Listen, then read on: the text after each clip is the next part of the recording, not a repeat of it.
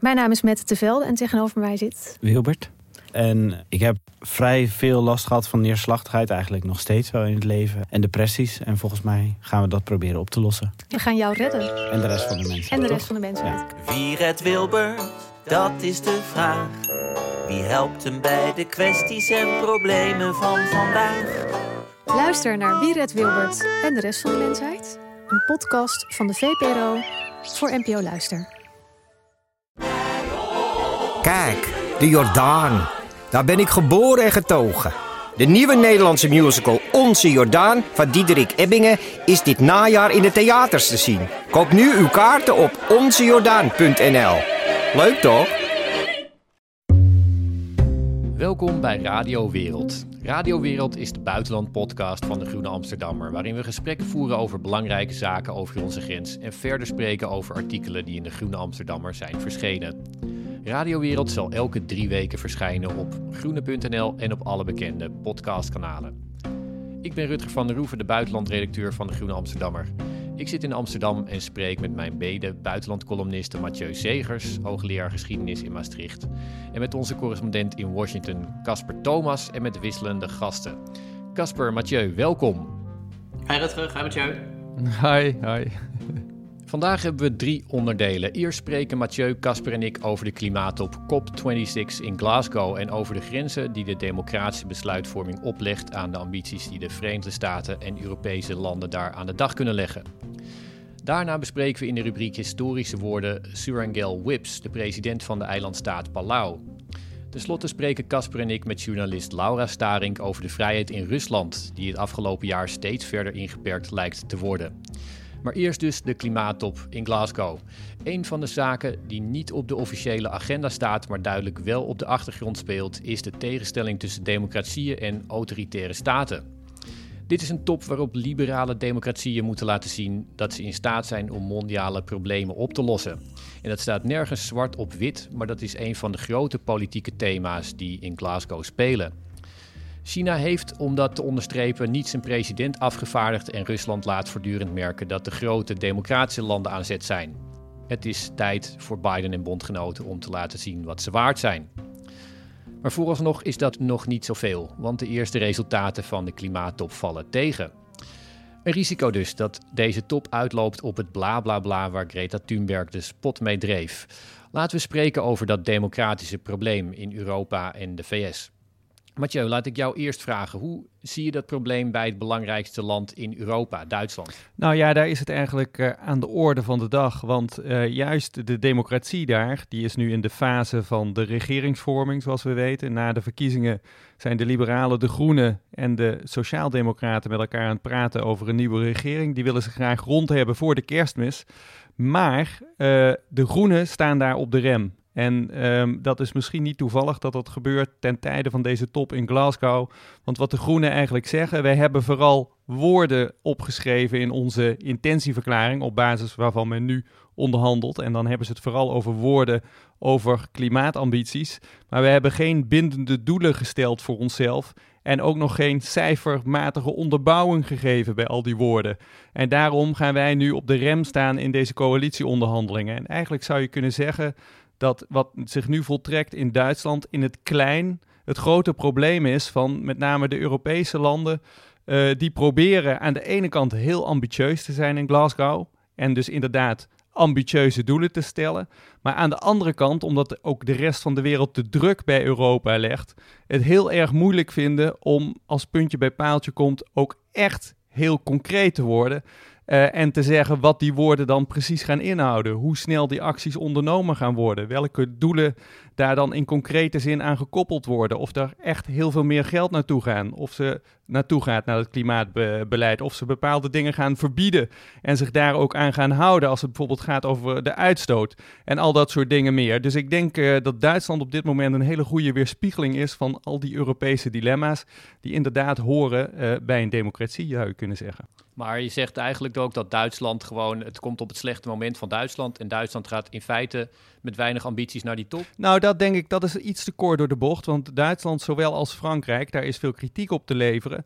Maar als je ze binnen de Europese context bekijkt, zijn ze toch tamelijk ambitieus. En bijvoorbeeld veel ambitieuzer tot nu toe in hun daden dan een land als Nederland, om maar eens een andere eh, land te nemen in deze vergelijking. Ja, nou ja, als we het hebben over ambitieuze landen, dan kunnen we nu, uh, dan heeft, denkt iedereen waarschijnlijk aan, uh, aan de Verenigde Staten. Want Joe Biden die is eerder dit jaar begonnen met een enorme dadendrang en, en vergezichten.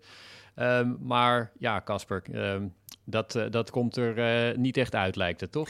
Nee, niet bepaald. Kijk, die, die Glasgow-top, dat had voor Biden eigenlijk een moment moeten worden waarop hij een, een belangrijke boodschap waarmee hij zijn presidentschap begon, waar kon maken. Amerika is terug, Amerika doet weer mee. Uh, en Amerika ga, gaat zelfs de kar trekken, heeft Biden regelmatig gezegd, bijvoorbeeld als het gaat om klimaatbeleid. Alleen het probleem is, Biden staat er effectief met, met lege handen. Er, hij heeft geen klimaatbeleid in Amerika voor elkaar gekregen voordat die top in Glasgow begonnen is. En dat is A, een enorm eigenlijk PR-afbreuk zou je kunnen zeggen voor Biden. Um, want het laat eigenlijk zien op het moment dat uh, Biden en ook klimaatgezant Kerry daar staan uh, met mooie woorden over dat het zo belangrijk is om de planeet te redden, het huis achter ze eigenlijk gewoon in brand staat. Uh, ze hebben nul steun van de Republikeinen, die zeggen gewoon niet tegen al het klimaatbeleid. En ook Bidens eigen partij is verdeeld over welke andere dingen er weer bij het klimaatbeleid moeten om dat weer aan te nemen. En in die met die padstelling op de achtergrond staat Biden daar op die, op die klimaatop. En wat ik zeg, zijn, zijn, zijn grote hoop, zijn grote ambitie om daar uh, te shinen, die, daar komt eigenlijk weinig van terecht. Waarmee volgens mij eigenlijk ook gewoon die klimaatop in die zin min of meer aan het mislukken is. Maar het is, het is ook heel gek, Casper, dat, dat je je dan afvraagt namens wie uh, spreekt Biden dan precies? Want hij heeft, hij heeft meer stemmen gekregen dan elke andere presidentskandidaat in de geschiedenis in de VS. Dus je zou zeggen, nou, hij heeft een enorm mandaat. Tegelijkertijd is het dus zo dat hij niet eens zijn eigen partij achter zich kan krijgen. Uh, hij moet voortdurend bezig zijn met wat hij in de, in de Verenigde Staten mee bezig is. Hij zal tegelijkertijd ook met zijn, met zijn gedachten eigenlijk de hele tijd zijn met iets dat hij nog door, door de Senaat moet gaan loodsen. Terwijl hij bezig is met die klimaattop die hij wil presenteren als groot succes enzovoort. Um, het, is, het is voor hem ook heel erg uh, moeilijk om te kunnen zeggen dat hij, uh, dat hij spreekt namelijk, namens de, de VS. Dat is ook een ambitie die hij niet eens kan maken, toch? Nee, nou goed, en daarom vind ik het goed dat we in deze podcast praten over eigenlijk wat, is de, wat zijn de, de, beperkingen binnen die democratieën over, als het gaat om het, om het, om het voeren van ambitieus klimaatbeleid. Uh, uiteindelijk is, is wat, wat een blok aan Biden's been is, is de interne werking van de Amerikaanse democratie het vermogen waarmee een, een, een, minderheid van stemmen eigenlijk toch in staat is om uh, beleid te blokkeren. Je zei het goed, Biden heeft veel meer stemmen gekregen. Uh, hij heeft de, wat ik zeg, in die zin ook de presidentsverkiezingen als de popular vote gewonnen, zoals dat dan heet. Maar toch vertaalt zich dat in het niet kunnen uitvoeren van beleid. En volgens mij is eigenlijk het grote thema dat achter deze top zit, en dat is eigenlijk misschien op elke top, maar nu wordt het wel heel erg duidelijk. Uh, misschien moeten we ook inderdaad nog een paar andere Europese voorbeelden dan bijhalen. Maar dat democratieën zoals ze nu werken het niet mogelijk maakt om samen op zo'n internationaal forum bijeen te komen en daadwerkelijk iets af te spreken om de planeet te redden. Zou jij, Mathieu, zou je daarop in kunnen gaan? En kun je ook ons iets vertellen over hoe dat dan in Europa werkt? Europa is uh, zeg maar uh, ja, de klimaatleider van de wereld. In ieder geval, zo, zo staat het continent zich ook voor. Maar ja, daarvoor heb je dus besluitvorming nodig met heel veel landen tegelijk. Kun je iets uitleggen over die breekpunten daarvan en hoe die ambities worden vormgegeven? Zeker. En, uh, en inderdaad inderdaad is het zo dat, dat dit een heel belangrijk probleem is. Ik denk dat het goed is om twee spanningsvelden te onderscheiden. Een, een politiek-strategisch spanningsveld binnen dat Europese kamp en een inhoudelijk spanningsveld dat in het verlengde eigenlijk ligt van dat politiek-strategische. Het, het politiek-strategische spanningsveld laat zich zien doordat aan de ene kant de Europese Unie op deze top als één blok onderhandelt dat legt echt gewicht in de schaal. Dus de grootste interne markt ter wereld. Als daar grote stappen gezet kunnen worden, ja, dan kan er ook iets bereikt worden op mondiale schaal. Dus Europa is inderdaad de leider wat dat betreft. Maar ze presenteren zich in de onderhandelingen als één blok. Maar vervolgens zie je op dag twee, bij wijze van spreken, als de eerste handtekeningen gezet moet moeten worden onder het eerste akkoord, dat uh, de wereld ingeslingerd moet, moet worden om die ambities te onderstrepen. Dus bijvoorbeeld de, verklaring om te stoppen met publieke steun voor fossiele energieprojecten. Dat er sommige Europese landen zijn die dat heel uh, van harte uh, ondertekenen, zoals bijvoorbeeld uh, een, land als uh, Portugal of een land als Denemarken, dat er anderen zijn die dat naar schoorvoeten doen, naar lobbydruk vanuit allerlei hoeken. Daar hoort bijvoorbeeld Italië bij. En dat er ook weer landen zijn die al aangeven dat ze dat nu niet gaan ondertekenen en misschien wel nooit gaan ondertekenen. En daar zie je meteen, zelfs binnen de West-Europese landen, daarom noem ik die ook, al de verdeeldheid. En die is natuurlijk nog groter als je Centraal- en Midden-Europa erbij neemt, waar het enthousiasme voor dit soort stappen nog heel veel minder groot is bij diverse landen.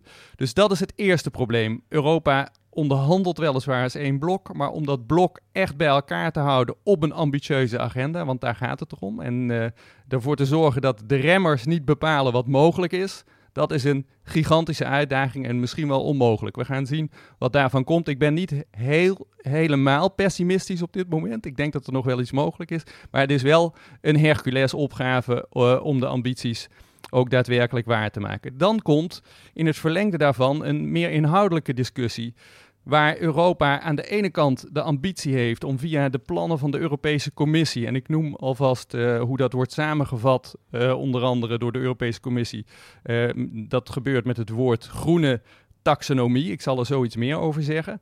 Um, dat, zijn hele, dat is heel ambitieus beleid. Uh, de ambitie van de Europese Commissie is om namens de Europese Unie de trendsetter in de wereld te worden, of eigenlijk de standaard, de globale standaard te gaan bepalen. Uh, op basis waarvan je kunt zeggen of economische activiteiten duurzaam zijn of niet. Daar, daar moet dat instrument van de groene taxonomie uh, voor gaan, gaan werken. Eerst in Europa en dan in de rest van de wereld. Dat is heel erg mooi. Maar nu, tijdens de onderhandelingen op de klimaattop in Glasgow, zie je dat er een aantal landen zijn, en dat zijn niet de minste, die eigenlijk parallel aan die top in Brussel aan het onderhandelen zijn om in die groene taxonomie bijvoorbeeld labels te krijgen voor gas- en kernenergie. Terwijl dat de belangrijkste activisten voor deze, uh, ambitieuze, uh, dit ambitieuze instrumentarium, die groene uh, taxonomie, bijvoorbeeld in het Europees Parlement, juist echt heel nadrukkelijk gezegd hebben: we moeten dit ook echt ambitieus doen. Dus gas en kernenergie kunnen geen label krijgen in de groene taxonomie. De Europese Investeringsbank, de, de Green Recovery Bonds van de Europese Unie zelf, die hebben ook allemaal die labels niet voor gas en kernenergie. En nu zijn er toch landen, zoals Frankrijk bijvoorbeeld, die aan het lobbyen zijn om dat groene label op gas en kernenergie te krijgen. En daar zie je in de inhoud hoe ongelooflijk moeilijk het is om to put your money where your mouth is, zo, uh, zo gezegd in uh, goed Europees. Um, dat, dat, dat dat ongelooflijk moeilijk is en dat er dus een groot spanningsveld ook zit op de eenheid van beleid. De Europese Commissie, om dit punt even af te handelen, twijfelt nu heel erg wat ze moeten doen. Of zij meegaan in het, zal maar zeggen, het ver verwateren van die groene taxonomie. Of dat ze voet bij stuk moeten houden, zoals men vanuit het Europees Parlement onder andere te horen krijgt van de pro-klimaatpartijen daar. En die groene taxonomie zo groen mogelijk uh, te houden om daadwerkelijk een impact te maken in die, in die standaardisering op globale schaal. Ik heb er even één korte vraag over, Mathieu. Uh, misschien is dat een raar vraag, maar waarom is dit niet al, waarom is dit niet al geregeld? Waarom heeft, waarom heeft de EU niet geen poging gedaan om, net als dat Biden eigenlijk voor Glasgow zijn interne klimaatbeleid op orde wilde hebben, waarom heeft de EU geen poging gedaan om voor Glasgow te zorgen dat ze een, een onderlinge taxonomie hebben afgesproken? Ja, die taxonomie is er dus wel. Uh, maar die is typisch Europees, dus die is niet volledig uitgekristalliseerd. Die wordt ook al gebruikt. Daarom noem ik ook die Green Recovery Bonds bijvoorbeeld. Die zijn erg gewild in de huidige geo-economie. Die doen het heel erg goed. Die zijn wel heel groen-groen, zou je kunnen zeggen. Maar die, de effecten van die groene taxonomie, die beginnen langzaam natuurlijk ook door te golven in de economieën van de lidstaten. En dan komen er twijfels op. En dan geldt het uh, klassieke gezegde van de Franse diplomatie. Niets is besloten tot alles is besloten. En niemand weet wanneer alles besloten is. Dus is nog niets besloten. Dus wordt nu eigenlijk weer van alles onderhandelbaar gemaakt. Waarvan bijvoorbeeld uh, uh, de Groenen in het Europees Parlement dachten dat dat nu wel in kannen en kruiken was uh, met die groene taxonomie. En ik denk dat dat een hele goede weerspiegeling is van het spanningsveld dat zit op dat beleid. Je kunt doelen afspreken, je kunt ze concreet proberen te maken, je kunt dat gieten in beleid. Maar dan is er altijd nog de fase waarin dat beleid ook daadwerkelijk werkelijkheid moet worden, waarin je het moet implementeren en moet volhouden. En die fase zal iedere keer opnieuw leiden tot problematiseringen uh, binnen dat Europese uh, krachtenveld. Ja, nou Casper, jij, uh, ik, ik zou ook uh, die, die vraag wel even bij jou willen neerleggen. Jij hebt geschreven over, uh, over democratie. Um, zie jij dan zeg maar de, de interne werking hiervan als, een, als zeg maar het, het basisprobleem? Of denk je dat, dat het proces wat Mathieu beschrijft, dat geeft natuurlijk kansen voor nou ja, de, de, de, kern ehm, kernenergie-industrie, maar ook uh, de fossiele sector of iets dergelijks, om telkens weer hun eigen lobbypunten in te brengen. Uh, waar zit dan de, de, ja, de zwakheid van dat, van dat systeem, zou je, zou je zeggen? Ja, ik, ik was wel geïntegreerd door die, die, die frase uit het, het, Franse diplomatieke handboek die Mathieu net aanhaalde. Want eigenlijk, eigenlijk zie je in de VS een beetje het, het, hetzelfde gebeuren. En dat om het even heel kort uit te leggen, even, zeg maar, Bidens klimaatbeleid zit vast tussen twee kampen. Het ene kamp zegt, uh, we tekenen alleen voor alles en daar hoort klimaat bij, maar ook sociale investeringen en infrastructuur. En er is een ander kamp die zegt, nou laten we nou eerst dat infrastructuur doen en dat klimaat, dat komt dan, dat komt dan daarna wel. Dus eigenlijk ook weer de vraag, is het alles of is het alles tegelijk of kan het, kan het indelen? En dat is volgens mij dus ook het probleem waar, waar Amerika nu op stuk loopt. En daarmee moeten we volgens mij uh, in dat klimaatdebat inderdaad ook echt wel voorbij, uh, laten we zeggen, het klassieke argument kijken dat, oh, uh, de macht van de fossiele sector is zo groot. Ik bedoel, dat, dat is een probleem. zeg maar de, de, een van de blokkadepunten, dat is eigenlijk het hoofdfiguur ook in mijn stuk in De Groene deze week, Joe Manchin, senator uit West Virginia, die wordt gesponsord door de kolenindustrie en die houdt Bidens klimaatbeleid tegen. Dus die, die lobbymacht van de fossiele sector is er wel zeker, maar volgens mij zijn we ook af en toe een beetje in een soort denken verzand geraakt, waarbij het, het, lijkt alsof de democratie als het ware probeert te vechten tegen die, uh, tegen die macht van die, van die, van die fossiele lobby. Uh, terwijl je eigenlijk volgens mij ook gewoon moet kijken naar hoe, hoe wat is de interne werking van zo'n democratie, van een Europese democratie, van een Amerikaanse democratie, maar ook van een Nederlandse democratie die het, zo, om, het, mogelijk maakt om iets wat zoveel mensen zo graag willen en wat zo belangrijk is, eigenlijk toch vrij eenvoudig tegen te houden. Ja, nou, als we zeg maar eventjes een, een, ander, uh, een, een, ander onderwerp inslaan. Je zou ook kunnen zeggen dat zeg maar dit soort uh, interne debatten binnen, binnen landen en, en bedrijven, lobby's die hun, uh, hun punten ingebracht willen krijgen en iets dergelijks. Daarvoor is nou juist zo'n internationale top is dan een instrument waarop je kunt zeggen, oké, even gaan alle belangrijke mannen en vrouwen bij elkaar zitten en um, die beslissen. zo'n zo'n mondiale top, zou je kunnen zeggen, is, is een uitgelezen moment om dat soort uh, knopen door te hakken. Uh, ja, Mathieu, jij uh, je bent historicus. Hoe, hoe zie jij dit, um, deze, de, die historische toppen als, als middel? Hoe kijk je er tegenaan? Ja, ik, ik, denk dat daar twee dingen heel interessant zijn om, om op te merken. Die toppen zijn wel degelijk van belang, maar ze zijn pas echt impactvol, zou je kunnen zeggen als daar uh, bijvoorbeeld een datum wordt afgesproken of een percentage, zoals we hebben gezien bij de klimaattop in, uh, in Parijs. Want dan kan dat iedere keer opnieuw terugkomen als een soort drukmiddel op die regeringen die toen hun handtekening uh, gezet hebben. En dat is de vraag of dat bij deze top gaat lukken. Ik ben nog niet, dat zei ik net al, uh, heel pessimistisch. Want die, dat, dat hele interne spel in de Europese Unie, wat ik net beschreef, dat is nog niet beslecht. Dus het kan best zo zijn, uh, in, in uh, aanvulling op wat Caspar net zei, dat, er, dat het wel mogelijk wordt vanuit Europees perspectief om genoeg druk te ontwikkelen om een kleine, concrete stap te formuleren, die weer vervolgens een opstap is voor een volgende stap over een paar jaar. En daar zal het om gaan. Lukt het je om onder dat mantra van niets is besloten tot alles is besloten uit te draaien met bijvoorbeeld een datum, met bijvoorbeeld een percentage, met bijvoorbeeld een, een harde groene taxonomie uh, in Europa. En dat, uh, dat spel is nog niet gespeeld. En de, de, de, het is ook een gigantische opgave om dat uh, goed te krijgen, inclusief de sociale en economische inbedding van die ambities, zoals we net al aanstipten. Dus um, ik denk dat die top daarvoor een moment is om die druk op dit soort instituties te krijgen om ook echt um, ja, de daad bij het woord te voegen. Een ander punt waarvoor die toppen heel belangrijk zijn, dat speelt hier ook heel erg duidelijk, is dat zo'n zo'n mondiaal moment waarop de uh, gordijnen van het podium uh, van het theater open gaat, gaan en iedereen daar staat, is ook een moment om retorisch, als het ware, uh, je te profileren of juist niet te profileren. En je ziet hier op deze top toch een concurrentie tussen met name de Verenigde Staten, Europa als blok en op de achtergrond een beetje ook uh, proberend uh, de Verenig het Verenigd Koninkrijk om een soort van leidende rol te claimen in de retoriek op zijn minst. Om te zeggen van ja, dit is allemaal nodig, dit is heel hard nodig, anders gaan uh, toekomstige generaties eronder lijden, anders maken we een historische fout. Nou, we hebben alle grote woorden van die westerse leiders gehoord.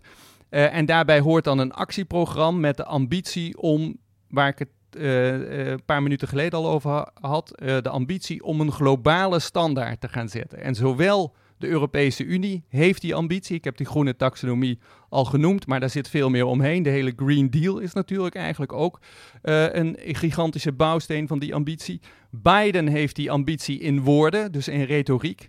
En daar heeft zich nu, uh, klop klop aan het raam, uh, ook Boris Johnson bij gemeld. Die allerlei bewegingen maakt die in ieder geval de indruk wekken alsof hij ook namens het VK een soort derde uh, uh, alternatief gaat bieden. En ik noemde zo even al die verklaring om te stoppen met publieke steun voor fossiele energieprojecten. Ja, daar is het Verenigd Koninkrijk weer de drijvende kracht achter. En dat is niet toevallig een, een, een soort arrangement tussen lidstaten van de Europese Unie, maar niet alle lidstaten, Canada en het Verenigd Koninkrijk. En dat is interessant om te zien in, uh, vanuit politiek perspectief. Als laatste, als, als laatste onderdeel van, het van het gesprek, Casper, zou ik nog e-, zou ik even naar jou willen gaan. Zou ik eventjes willen uh, die vraag waar we mee begonnen aan je voor willen leggen. Als um, China en Rusland inderdaad de, ambitie hebben om deze, om deze top te gebruiken om te zeggen, nou ja, laat die democratieën maar eens...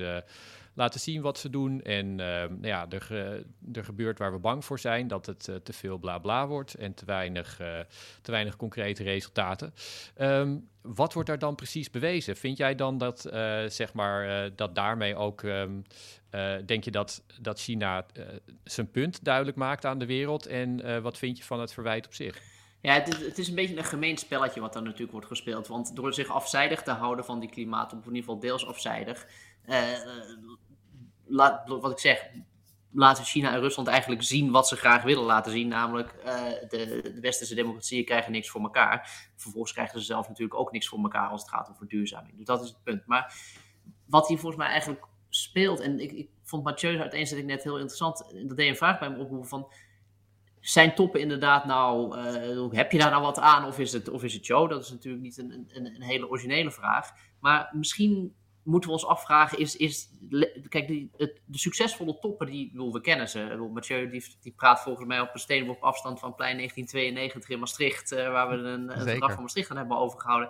En als ik hier een paar uur in de auto zit, dan ben ik in, in Bretton Woods, uh, hier in de Verenigde Staten, waarin de Bretton Woods dus, instituut zegt, dus toppen hebben wel degelijk wat gedaan. Maar, dat, en die, maar die toppen zijn ook echt een, een instrument van het tijdperk van, waarin het liberale democratie bij wijze van spreken op zijn top was.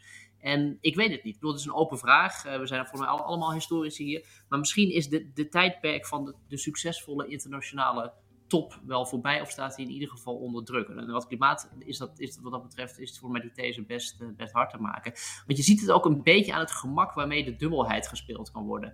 Uh, Rutte die dan, naar Glasgow gaat en, en, en daar inderdaad met grote woorden uh, komt. Uh, en er wordt er thuis ondertussen gewoon dooronderhandeld met hetzelfde fossielminnende kabinet als er, als er de vorige keer zat. Dus het is ook heel makkelijk voor leiders om een beetje een topje te gaan spelen als het ware. En dat is volgens mij, laat ook weer eigenlijk de zwakte zien van, van hoe we eigenlijk, om, ja, de, de, de zwakte van de mondiale top in, in de 21ste eeuw, om het even met een groot gebaar te zeggen.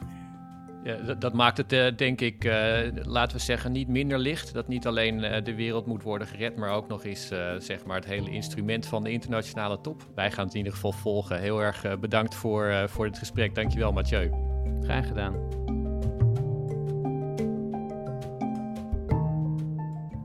En dan nu historische woorden, onze vaste rubriek waarin we een citaat bespreken van een politicus uit de afgelopen weken dat zomaar historisch zou kunnen worden. Hier komt het. We see the scorching sun is giving us intolerable heat. The warming sea is invading us. The strong winds are blowing us every which way. Our resources are disappearing before our eyes, and our future is being robbed from us. Frankly speaking, there is no dignity to a slow and painful death. You might as well bomb our islands instead of making us suffer only to witness our slow and fateful demise.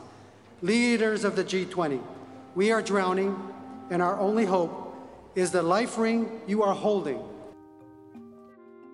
Ja, dit waren woorden van Serengel Whips, de president van de eilandstaat Palau. Die vertelde dat er geen waardigheid zit in een langzame dood door het stijgen van de zeespiegel, intensere hitte van de zon en woestere stormen. Jullie zouden net zo goed onze eilanden kunnen bombarderen in plaats van ons te laten toekijken bij onze eigen ondergang, zegt hij. En dan doet hij een beroep op de leiders van de rijke landen om hun verantwoordelijkheid te nemen. Hij zegt: Jullie houden de reddingsboei in jullie handen. En ehm, dit is het moment om die ook te werpen. Casper, wat, uh, wat zijn jouw ideeën uh, bij deze uitspraak? Nou, ten, ten eerste, wij zoeken altijd naar historische woorden in dit soort, dit soort rubriek. Ik ben heel blij dat we deze gekozen hebben, want ik, ik vrees dat deze niet de, de geschiedenis ingaan, uh, wij spreken zoals de, de speech van Kennedy in Berlijn. Maar dit, dit, dit is toch, ik vind het echt aangrijpend, dat meen ik serieus. Dit, dit, dit is politieke retoriek en het gaat, het gaat over leven en dood. En dat is niet een, het is niet een het is geen bla bla zoals we het even in het begin uh, over hadden. En het is ook iets heel anders dan, dan Rutte die zegt uh, van met zijn letterlijke steenkolen Engels. Uh, we gaan, het is heel belangrijk dat we het klimaat gaan aanpakken om vervolgens naar huis te gaan en, en, en, en niets te doen in Nederland. Dus je moet het uiteindelijk hebben van een, een eilandstaat als Palau in de, in de Stille Oceaan, die volgens mij bijna niemand, ik moest het ook opzoeken, op de landkaart kan aanwijzen om woorden te vinden van een, van een gekozen staatshoofd die bepaalde manier die, die gemeend laten zien wat er volgens mij hier aan de hand is. Ja, ik had het. Um, ik zat er ook bij te denken. Het is niet alleen zeg maar dat, dat wat jij nu aanraakt, dat het, een, uh, dat, dat het een aanklacht is van wat er aan de, aan de, aan de hand is. En dat hij ook uh, nou ja, duidelijk maakt dat er, dat er nu actie moet komen. Maar hij um, raakt volgens mij ook het, uh, datgene aan aan de schuld van, van die rijke landen. En daarmee ook volgens mij dat dossier van herstelbetalingen. Dat is iets wat, ja, wat, wat nu soms besproken wordt. En ik, ik moest ook denken aan hoe, dat, aan hoe herstelbetalingen in Amerikaanse context zijn, politiek zijn, zijn gelopen. Je had um, dat, dat artikel van Tanahasi Coates uit 2014. Die schreef uh, toen in de New Yorker lang artikel, The Case for Reparations. En hij, hij uh, schreef daarmee over um, het over de mogelijkheid dat, uh, dat zwarte Amerikanen herstelbetalingen zouden krijgen voor hun economische achterstand ten opzichte van witte Amerikanen. En zijn doel, zei hij daarmee, was om uh, het niet meer een, uh, een onderwerp te maken waar mensen om lachten. En ja, dat is hem zeker gelukt. Hij heeft daar toen de prijs mee gewonnen. Het was door een journalistiek opleiding tot beste artikel van het decennium gekozen. En volgens mij is dat, uh, nou, er was, is, uh, wordt nu ook over geschreven in, uh, in de VS onder andere. Maar volgens mij wat, wat deze woorden doen, is niet alleen, is heel direct ook aanspreken welke landen um, schuld dragen aan die dingen die Palau en andere eilandstaten nu uh, op hun bord krijgen. En volgens mij opent dat vrij re realistisch ook mogelijkheden voor uh, niet alleen voor hulp van die staten, het beroep wat ze kunnen doen, wat ze mogelijk zouden kunnen uh, gaan eisen via. Uh, een internationaal uh, gerechtshof bijvoorbeeld, maar ook herstelbetalingen, wat misschien best een, een onderwerp is waarover in de toekomst niet meer gelachen wordt. Nou ja, er wordt, er, wordt, er, wordt, wordt al een beetje gesproken. Ja, herstelbetalingen, in ieder geval. De, de, Biden heeft op de klimaattop in, in Glasgow gezegd: Nou, we gaan jaarlijks 3 miljard dollar uh, uitgeven aan extra klimaathulp. Om, om, landen zoals Palau te kunnen omgaan met, met, met de gevolgen van klimaatverandering. Maar goed, 3 miljard, dat is, dat, dat, sorry, het is 300 miljard, by the way. Maar dat is, dat, dat is, helemaal een schijntje. Daar kun je, daar kun je niet uh, de, de, de, volledige wereld die de, de hardste gevolgen van, van opwarming van de aarde ondervindt, mee redden. Um, en kijk, en, Palau is niet de enige. Op die, op die klimaattop sprak ook uh, Mia Motlis als de premier van Barbados. En die zei, luister eens, de koers waar we opnieuw op zitten, dat is de doodstraf voor Barbados. En jullie moeten onze reddingsboei toewerpen. En dat, dat gebeurt gewoon vervolgens niet. Ik las trouwens ook nog kort hiervoor een heel interessant artikel in, in NRC Handelsblad dat uiteenzet in hoeverre het Nederlands hulpgeld voor uh, klimaatadaptatie uh, nou terecht komt. Maar dat, dat is eigenlijk niet na te gaan, was de conclusie van, uh, van het artikel. En het verdwijnt in een soort mist van privaat-publieke samenwerkingen. Dus het is, het is, het is heel duidelijk. Dus die, die reddingsboei die wordt niet eens toegeworpen. Dus ja, eigenlijk, eigenlijk zou ik de, de, het, het pleit willen houden hier dat dit echt historische woorden zijn. En, en, en ook op die manier, eh, het enige wat wij kunnen doen, is uh, een slingerde geschiedenis in proberen te geven. Want volgens mij is dit de essentie van wat er aan de hand is in de wereld.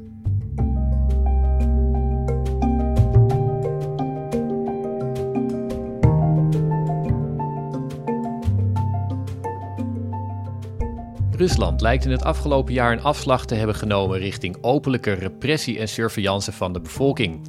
Oppositieleider Alexei Navalny werd vergiftigd en bij terugkeer in Rusland naar een werkkamp gestuurd. Zijn aanhangers worden de laatste maanden met futiele aanleidingen veroordeeld tot hoge straffen en gewone Russen worden steeds openlijker gevolgd, bijvoorbeeld met camera's en op het internet. Ik spreek erover met Casper Thomas en met journalist Laura Starink. Laura, welkom. Hallo.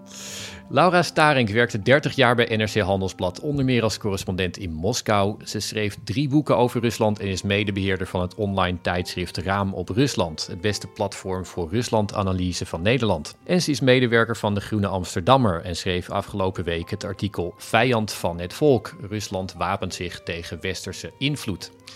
Nou, dat was perfect getimed, zou je kunnen zeggen. Want uh, Nederland werd herinnerd aan de, de hele kwestie van uh, persvrijheid. doordat uh, Volkskrant-correspondent Tom Venink werd uitgewezen. Nou, een paar weken daarvoor had een hoofdredacteur Nobelprijs voor de Vrede gekregen. En in de jaren daarvoor is het op zich ook een onderwerp wat. Ja, jammer genoeg steeds terugkwam. er werden journalisten soms vermoord, redacties gesloten. Um, maar ja, uh, de indruk toch bij mij en bij anderen is dat uh, wat ik lees in de krant is dat het afgelopen jaar uh, toch opeens ja, repressiever lijkt, erger lijkt dan daarvoor. Kun je zeggen um, of dat zo is en, en daar achtergronden misschien bij, bij schetsen, Laura?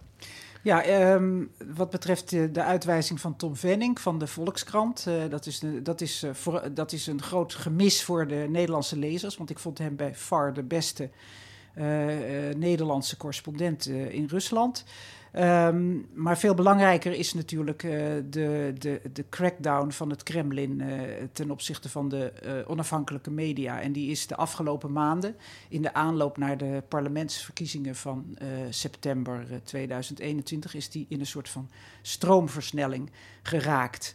Uh, en uh, hoe dat in zijn werk gaat is ongeveer als volgt. Wij hadden uh, vorige week bij Raam op Rusland een, een lezing van Galina Timchenko, de CEO van Medusa, een groot online platform met Russische journalisten.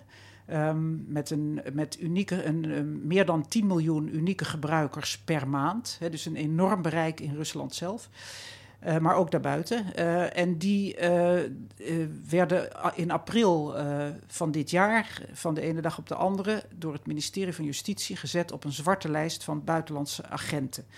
Uh, Timchenko kon heel goed uitleggen wat dat in de praktijk betekent. Dat was namelijk van de ene dag op de andere werd uh, het hele businessmodel van Medusa onderuit geschopt.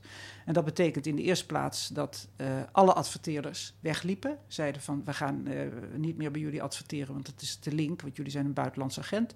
Maar het betekent ook dat alle bronnen uh, van de ene dag op de andere zeiden: uh, bel mij nooit meer. Hè, want ik wil niets te maken hebben met een uh, buitenlandse agent. Dat is natuurlijk killing voor journalisten. en, de derde, en het derde was dat Russische journalisten die voor Medusa werken, hè, dat die massaal ontslag namen, omdat ze ook zelf niet in gevaar willen komen. Dus van de ene dag op de andere is, wordt zo'n hele organisatie om zeep geholpen. En Laura, kun je aangeven, welk doel dient dit? Dient dit? Is dit echt een, een poging om de, de ruimte, de bandbreedte van de media in Rusland te beperken? Of zit hier ook die dynamiek bij dat, het, dat, het, dat er een soort gevoel van, er is een, een, een interne vijand, daar moet je waakzaam voor zijn, dat dat een soort manier is om die angst als het ware levend te houden bij de Russische bevolking en daar ook weer politieke uh, macht aan, aan te ontlenen? Ja, het is eigenlijk beide. Dat laatste is, eh, is heel erg belangrijk. Uh, Rusland is bezig zichzelf opnieuw te isoleren van, van het buitenland. En probeert, gebruikt het buitenland als, als, als zondebok. vooral Amerika, maar ook Europa wordt vaak aangevallen. Um, en die, uh, dat, dat, niet voor niks kiezen ze voor dat stigma van buitenlands agent. Hè. Dus iedereen die op de een of andere manier geld aanneemt of contacten heeft, dat gaat heel ver uh, in die uh, richtlijnen van het ministerie van Justitie. Die kan met dat stigma worden getooid. En dat, dat, is, dat kan heel gevaarlijk zijn. Het kan ook, het, het, kan leiden, het leidt in de eerste plaats tot, tot het, het, het, volgen van die mensen. Ze moeten voortdurend verantwoording afleggen. Maar het meest bizarre is dat ze bij elke post, elke, elke mm, uiting die ze doen in de media, en dat zijn ook de sociale media, uh, dat ze daar een uh, verplichte tekst boven moeten zetten die uh, zegt: Ik ben een buitenlandse agent en ik werk in opdracht van van het buitenland. En dat, is, en dat gaat zo ver dat mensen, uh, grap, daar worden al grappen over gemaakt, dat journalisten zeggen van ik moet, als ik iemand wil feliciteren op Facebook, dan moet ik eerst dat 24 lettertekens stellende uh, stigma moet ik daarboven plakken. Nou, dan vergaat de lust je wel om iemand te feliciteren. Maar het, het komt me toch, Laura, gewoon ontzettend lomp over. Dat is toch, ik, ik heb, ik heb um, wel begrepen uit analyse over Rusland dat, uh, dat Poetin bij uitstek een, een, dictator was, nieuwe stijl, die, die zich zeg maar uh, moeite deed om te, de indruk te wekken dat hij geen dictator was. Nou ja, ik heb zo'n zo'n boek gelezen, The Dictator's Learning Curve, waar dan China werd ehm, neergezet als perfecte dictatuur, maar Rusland kreeg toch ook hoge punten als een uh, waarbij redacties werden gesloten omdat er een, uh, een beschermde uh, vleermuis onder het dak zat of, of andere dingen die nooit direct te herleiden waren tot, tot repressie. Maar als je ja, buitenlandse journalisten gaat uitwijzen en je gaat, dit, en je gaat mensen aanwijzen als buitenland agent. Dat klinkt gewoon heel erg als, als Sovjet-Unie met ja, de geheime dienst KGB die achter mensen aanzat. En de lompheid ervan, de openlijkheid eigenlijk, die, die verbaast me heel erg. Je had het net zelf over ja, dat het toe is genomen. Kun je dan um, kun je, zeggen waar, waarom dat zo is? Waarom dat dan die laatste, dat laatste jaar het lijkt alsof Poetin een andere een bewust andere strategie lijkt te hebben gekozen. Ja, nou, er zijn twee redenen voor. Dat, uh, dat is in de eerste plaats dat uh, de organisatie van Alexei Navalny, nu de bekendste politieke gevangene van Rusland, die, uh, die, die had een organisatie die heette Fonds voor de Bestrijding van de Corruptie. En die organisatie die had een, een landelijke dekkingsgraad gekregen. En dat is iets waar ze in het Kremlin niet van houden. Het is een geatomiseerde samenleving en dat willen ze graag zo houden. Het is toen Navalny in 2017 erin slaagde om voor het eerst in 100 Russische steden tegelijk massale betogingen tegen corruptie uh, uh, te organiseren.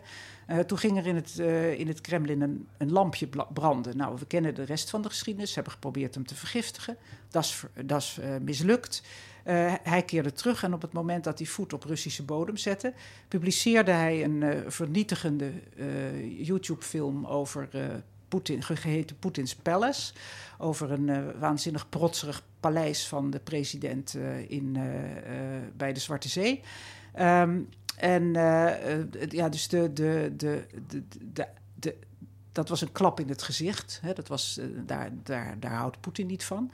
Um, en die organisatie was ook steeds actiever, bemoeide zich steeds actiever met de verkiezingen.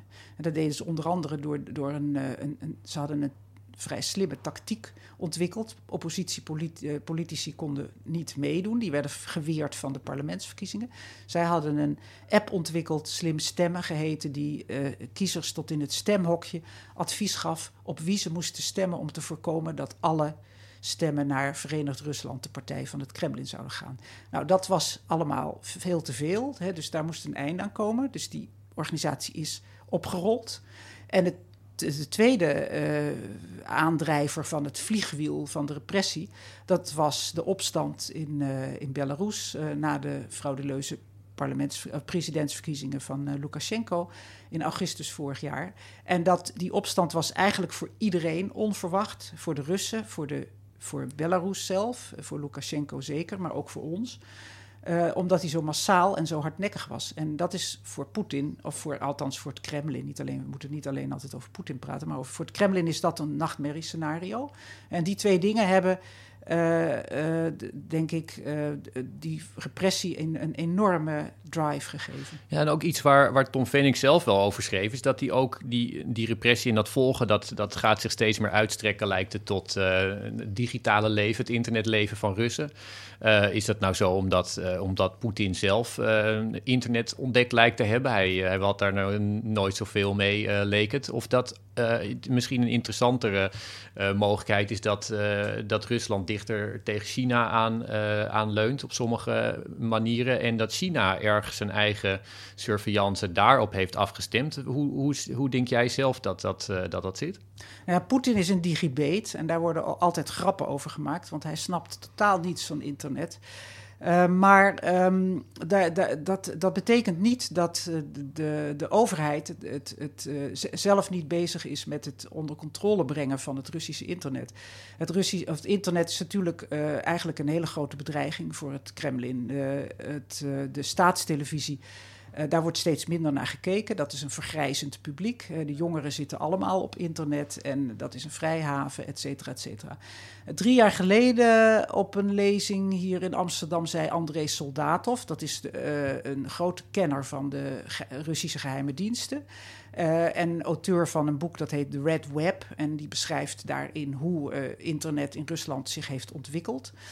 Um, dat, uh, toen was het de communische opinie onder uh, cyber-experts was eigenlijk dat uh, Rusland de boot had gemist. China heeft eigenlijk nooit de, de controle vrijgegeven over het internet. Maar in Rusland is dat natuurlijk in de jaren negentig wel gebeurd. En Soldatov, kenner van de materie, die zei dus...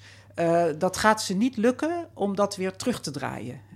Um, Rusland is al enige jaren bezig met een. Uh, die willen eigenlijk een soort. Ze noemen dat zelf een soeverein internet. RoeNet, Ruslandnet, zeg maar.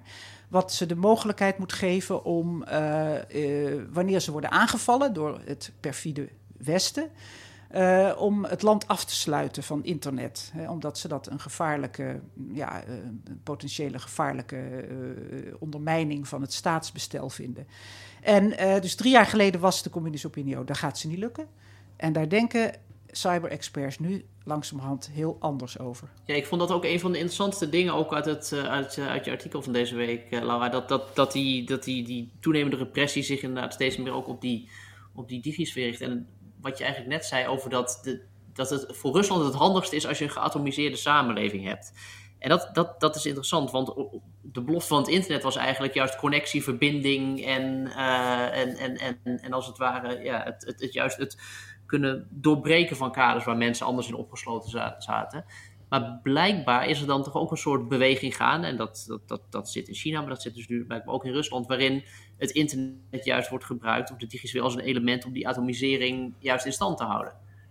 Ja, ja, zeker. Nou ja, dat, dat gebeurt natuurlijk middels uh, uh, uh, cybercrime en, en, en het, het verspreiden van desinformatie gebruikmakend van, van, van hackers en, en, en, en de, de beroemde trollenfabriek die in Petersburg staat, hè, waar mensen gewoon betaald worden om onvoek op het internet uit, over het internet uit te storten en allerlei verschillende narratieven rond te spuien om, om de mensen in verwarring te brengen. Um, maar de, de, de, kijk, dat internet heeft natuurlijk een, een, een, een ontzettend democratiserende werking gehad op de jongeren. dus bijvoorbeeld, uh, er is, een, er is een, een, een, bekende blogger, die heet Juri Doet. En die jongen die was, uh, die is, dat is een dertiger en die was uh, sportjournalist. En die is langzamerhand opgeschoven in de, recht, in de richting van politiek. Die man heeft 10 miljoen volgers. Dat zijn, dat zijn hoeveelheden waar, de, waar het Kremlin natuurlijk heel erg jaloers op is. Dus ze zijn in toenemende mate zijn ze dit soort ontwikkelingen natuurlijk toch gaan zien als een grote bedreiging voor de stabiliteit van het regime. Want regime change, daar is er niet meer bij als Poetin blijft zitten. Je moet je voorstellen dat, dat, soort, dat die hele generatie, voor die mensen is Poetin is de macht. Die hebben nooit iemand anders aan de macht gehad. Die zijn het zat. die willen iets anders.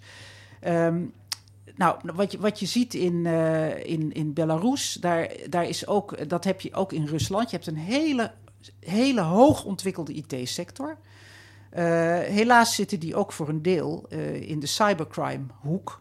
En het is algemeen bekend dat, uh, dat de Russische geheime diensten gebruik maken van die, van die hackersgroepen om hè, verkiezingen te beïnvloeden of desinformatie te verspreiden, et cetera, et cetera.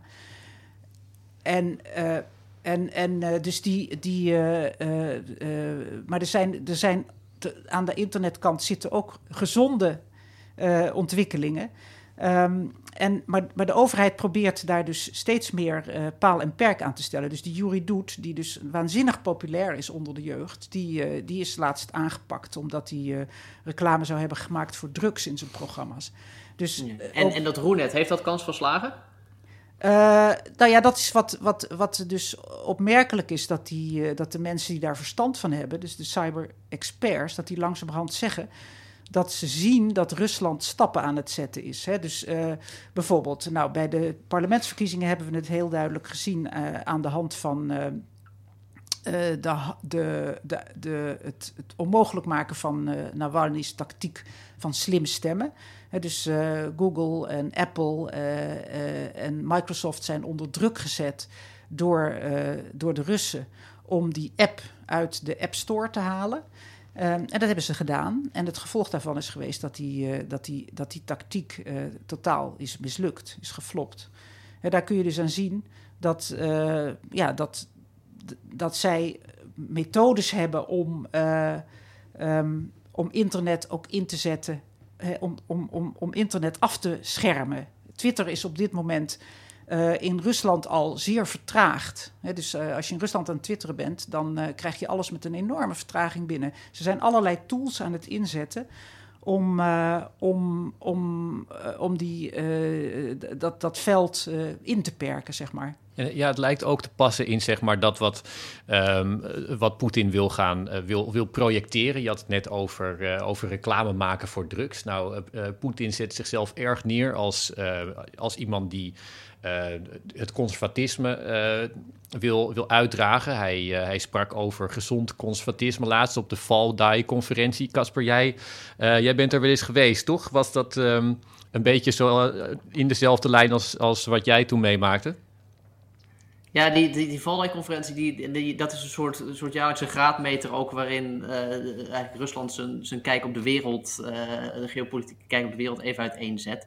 En ik ik ben daar één keer in 2016 ben ik daar een keer bij geweest, gewoon als, als, als, als pers en toehoorder, zeg maar. En um, het, het is een soort, het, is een, het rare is, en daar vind ik het ook interessant om het gesprek over te voeren zo met Lara. Dat soms krijg ik het idee dat, dat in Rusland elke keer dat in Rusland alles hetzelfde is. Maar die conferentie, het gaat altijd over het verval van het Westen. Uh, er wordt altijd gedaan van, oh, nou, misschien komt Poetin nog wel spreken. Oh, nou, zo waar, Poetin komt spreken.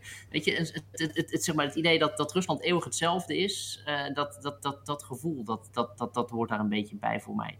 Tegelijkertijd zien we nu echt nieuwe ontwikkelingen. Uh, wat ik zeg, dat ontstaan van het RUNET, die het verplaatsen van de censuur naar de digisfeer. Dus, dus ja, maar misschien zijn juist die nieuwe ontwikkelingen bedoeld om, om het eeuwige gezicht van Rusland, van Poetin, te bestendigen.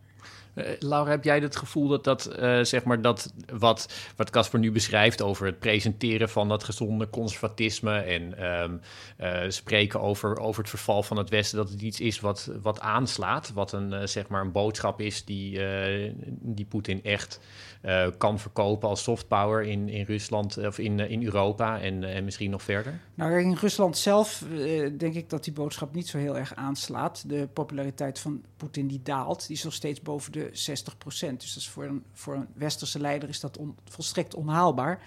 Maar goed, Poetin heeft op, op, op, op 85 gezeten. Um, het, het, is, kijk, Poetin heeft het, het, het, het, het, het knappe van Poetin is dat hij eigenlijk, als je zijn redes leest en zijn toespraken hoort, et cetera, dan zegt hij eigenlijk over het algemeen betrekkelijk redelijke dingen. Dat zijn dingen waarvan mensen hier denken van, nou, best wel een, eigenlijk wel een intelligente kerel. Uh, het, vervelende is alleen dat hij, dat doen natuurlijk alle politici, maar hij is ongelooflijk selectief. Dus hij, hij, hij in, in die Waldai-conferentie van uh, twee weken geleden, daar heeft hij dus dat, dat, dat gezonde conservatisme bepleit. En daar zegt hij: het kapitalisme is dood. Nou, er is op dit moment geen kapitalistische land dan Rusland. Uh, de, de, de inkomensverschillen in Rusland zijn gigantisch. Um, en eh, eh, hij zegt het Westen is decadent en verwerpelijk, et cetera. maar wat hij gewoon volstrekt overslaat, bijvoorbeeld, is de enorme dramatische binnenlandse politieke situatie. Over, dat hij over de vervolging niks zegt, is natuurlijk logisch. Maar hij zegt ook niks over de COVID, de, de coronacrisis. dus op dit moment um, onafhankelijke statistici, want die heb je dus nog steeds in Rusland. Dat is het mooie van dat land, dat er dus nog steeds, ondanks alle repressie, komt er nog steeds uh, uh, goede informatie naar buiten. Die voorspellen dat aan het eind van het jaar de oversterfte in Rusland 1 miljoen is. Dat, daarmee staat Rusland aan de absolute top op dit moment. En dat hele COVID-beleid is één grote mislukking. Uh, met een zigzaggend beleid van ontkenning. Uh, vervolgens heel trots zijn op een, op een Sputnik-vaccin, wat vervolgens niemand wil, uh, wil, wil hebben, omdat het, het, wantrouwen tegenover de overheid in Rusland zo groot is. Hè, dat mensen liever naar het buitenland gaan en zich met Pfizer stiekem laten inenten, dan dat ze dat vieze Sputnik nemen. dus dat, dat, dat, is op dit moment, zou je zeggen, het grote onderwerp waar uh, Rusland zich druk over zou moeten maken. Want als Poetin ergens gevoelig voor is, dan is het uh, demografie. Hij wil meer Russen. Hij, hij heeft laatst gezegd van. Uh, met spijt in, in zijn stem van als de Russische revolutie niet had plaatsgevonden, dan hadden we nu 500 miljoen meer Russen gehad. En wat doen ze? Ze hebben een waardeloos eh, COVID-beleid, waardoor de bevolking sterft als ratten. En, en, en uh, ja, dus, dus ik geef niks om zo'n Valdai-conferentie. Het is voor de buitenwereld, het is bedoeld om, voor de staatstelevisie om te zeggen van... kijk nou, wat, een, wat een geweldige president hebben wij. En het is een voorbeeld voor de hele wereld. Daar zitten ze met z'n allen. Flauwekul, gaat nergens over. Ja, jij neemt hier ook de, de, de long view, zeg maar. Je kijkt terug naar die, je, had het al over Poetin. Poetin kijkt zelf terug naar de, de, de, uh, de Russische revolutie. Casper uh, die, uh, die raakte net al aan dat... Um, uh, dat eeuwige Rusland, wat uh, ja, in, in Rusland een hele andere connotatie heeft dan hier. Het staat hier toch uh, voor, voor veel mensen voor een Rusland wat steeds terugkeert in, in, in dezelfde, bij dezelfde problemen van, van repressie en pogingen om, om, om een, een achterstand of een, een zeg maar de indruk van achterstand in te lopen ten opzichte van, van Europa. Hoe zie jij Poetins regime in, in dat in die blik van de lange geschiedenis, zeg maar. Uh. Nou ja, kijk, uh, het, is al onbekend dat Poetin voor, zijn, voor zijn ideologische veren, zeg maar, voornamelijk naar het, naar het verleden kijkt. Hij heeft niet echt een toekomstvisie. de Tweede Wereldoorlog wordt voortdurend van stal gehaald. de, het duizendjarige rijk wordt van stal gehaald. hij, als hij het heeft over geopolitiek, dan wil hij af van organisaties zoals de Europese Unie. Um, en wil toe naar bilaterale contacten. En hij wil toe naar. Uh, hij, hij, hij koketteert graag met uh, de conferentie van Yalta aan het eind van de Tweede Wereldoorlog, toen de grote mogendheden de wereld onderling verdeelden. Maar hij gaat zelfs ook terug naar 1815, naar het congres van Wenen. Hè, toen datzelfde gebeurde en toen Rusland de gendarme van Europa werd genoemd. en en, en zijn, zijn, zijn visie is eigenlijk: uh, we moeten terug naar die tijd dat de wereld was verdeeld in grote machtsblokken met invloedssferen. Uh, en in die invloedssferen mogen die machten hun eigen goddelijke gang gaan. Hè? En daarom vindt hij dat Rusland recht heeft om te bepalen wat er met Oekraïne en met Belarus gebeurt. Nou, de Baltische Staten, die, die is die kwijt. Dat, dat, vinden ze, dat vinden ze misschien minder erg, want dat beschouwen ze niet echt als een Slavisch gebied. Daar wordt geen Slavische taal gesproken. Maar Oekraïne en Belarus, uh, dat zijn gewoon geen staten. Medvedev, uh, inmiddels adjunct voorzitter van de Veiligheidsraad van Rusland, die heeft twee weken geleden een artikel gepubliceerd in de Commerçant, een krant.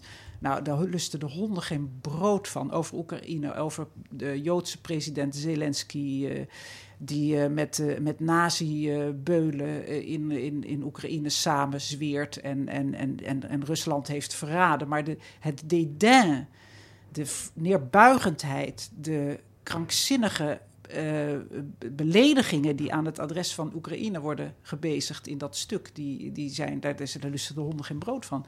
Het is voor hun is dat, maar dat is waar zij, waar, daar willen zij naartoe terug. Ze willen terug naar een overzichtelijke wereld waarin het Westen zegt: oké, weet je wat, joh, Poetin, uh, maak jij de dienst daar maar uit. Het is toch een zooi.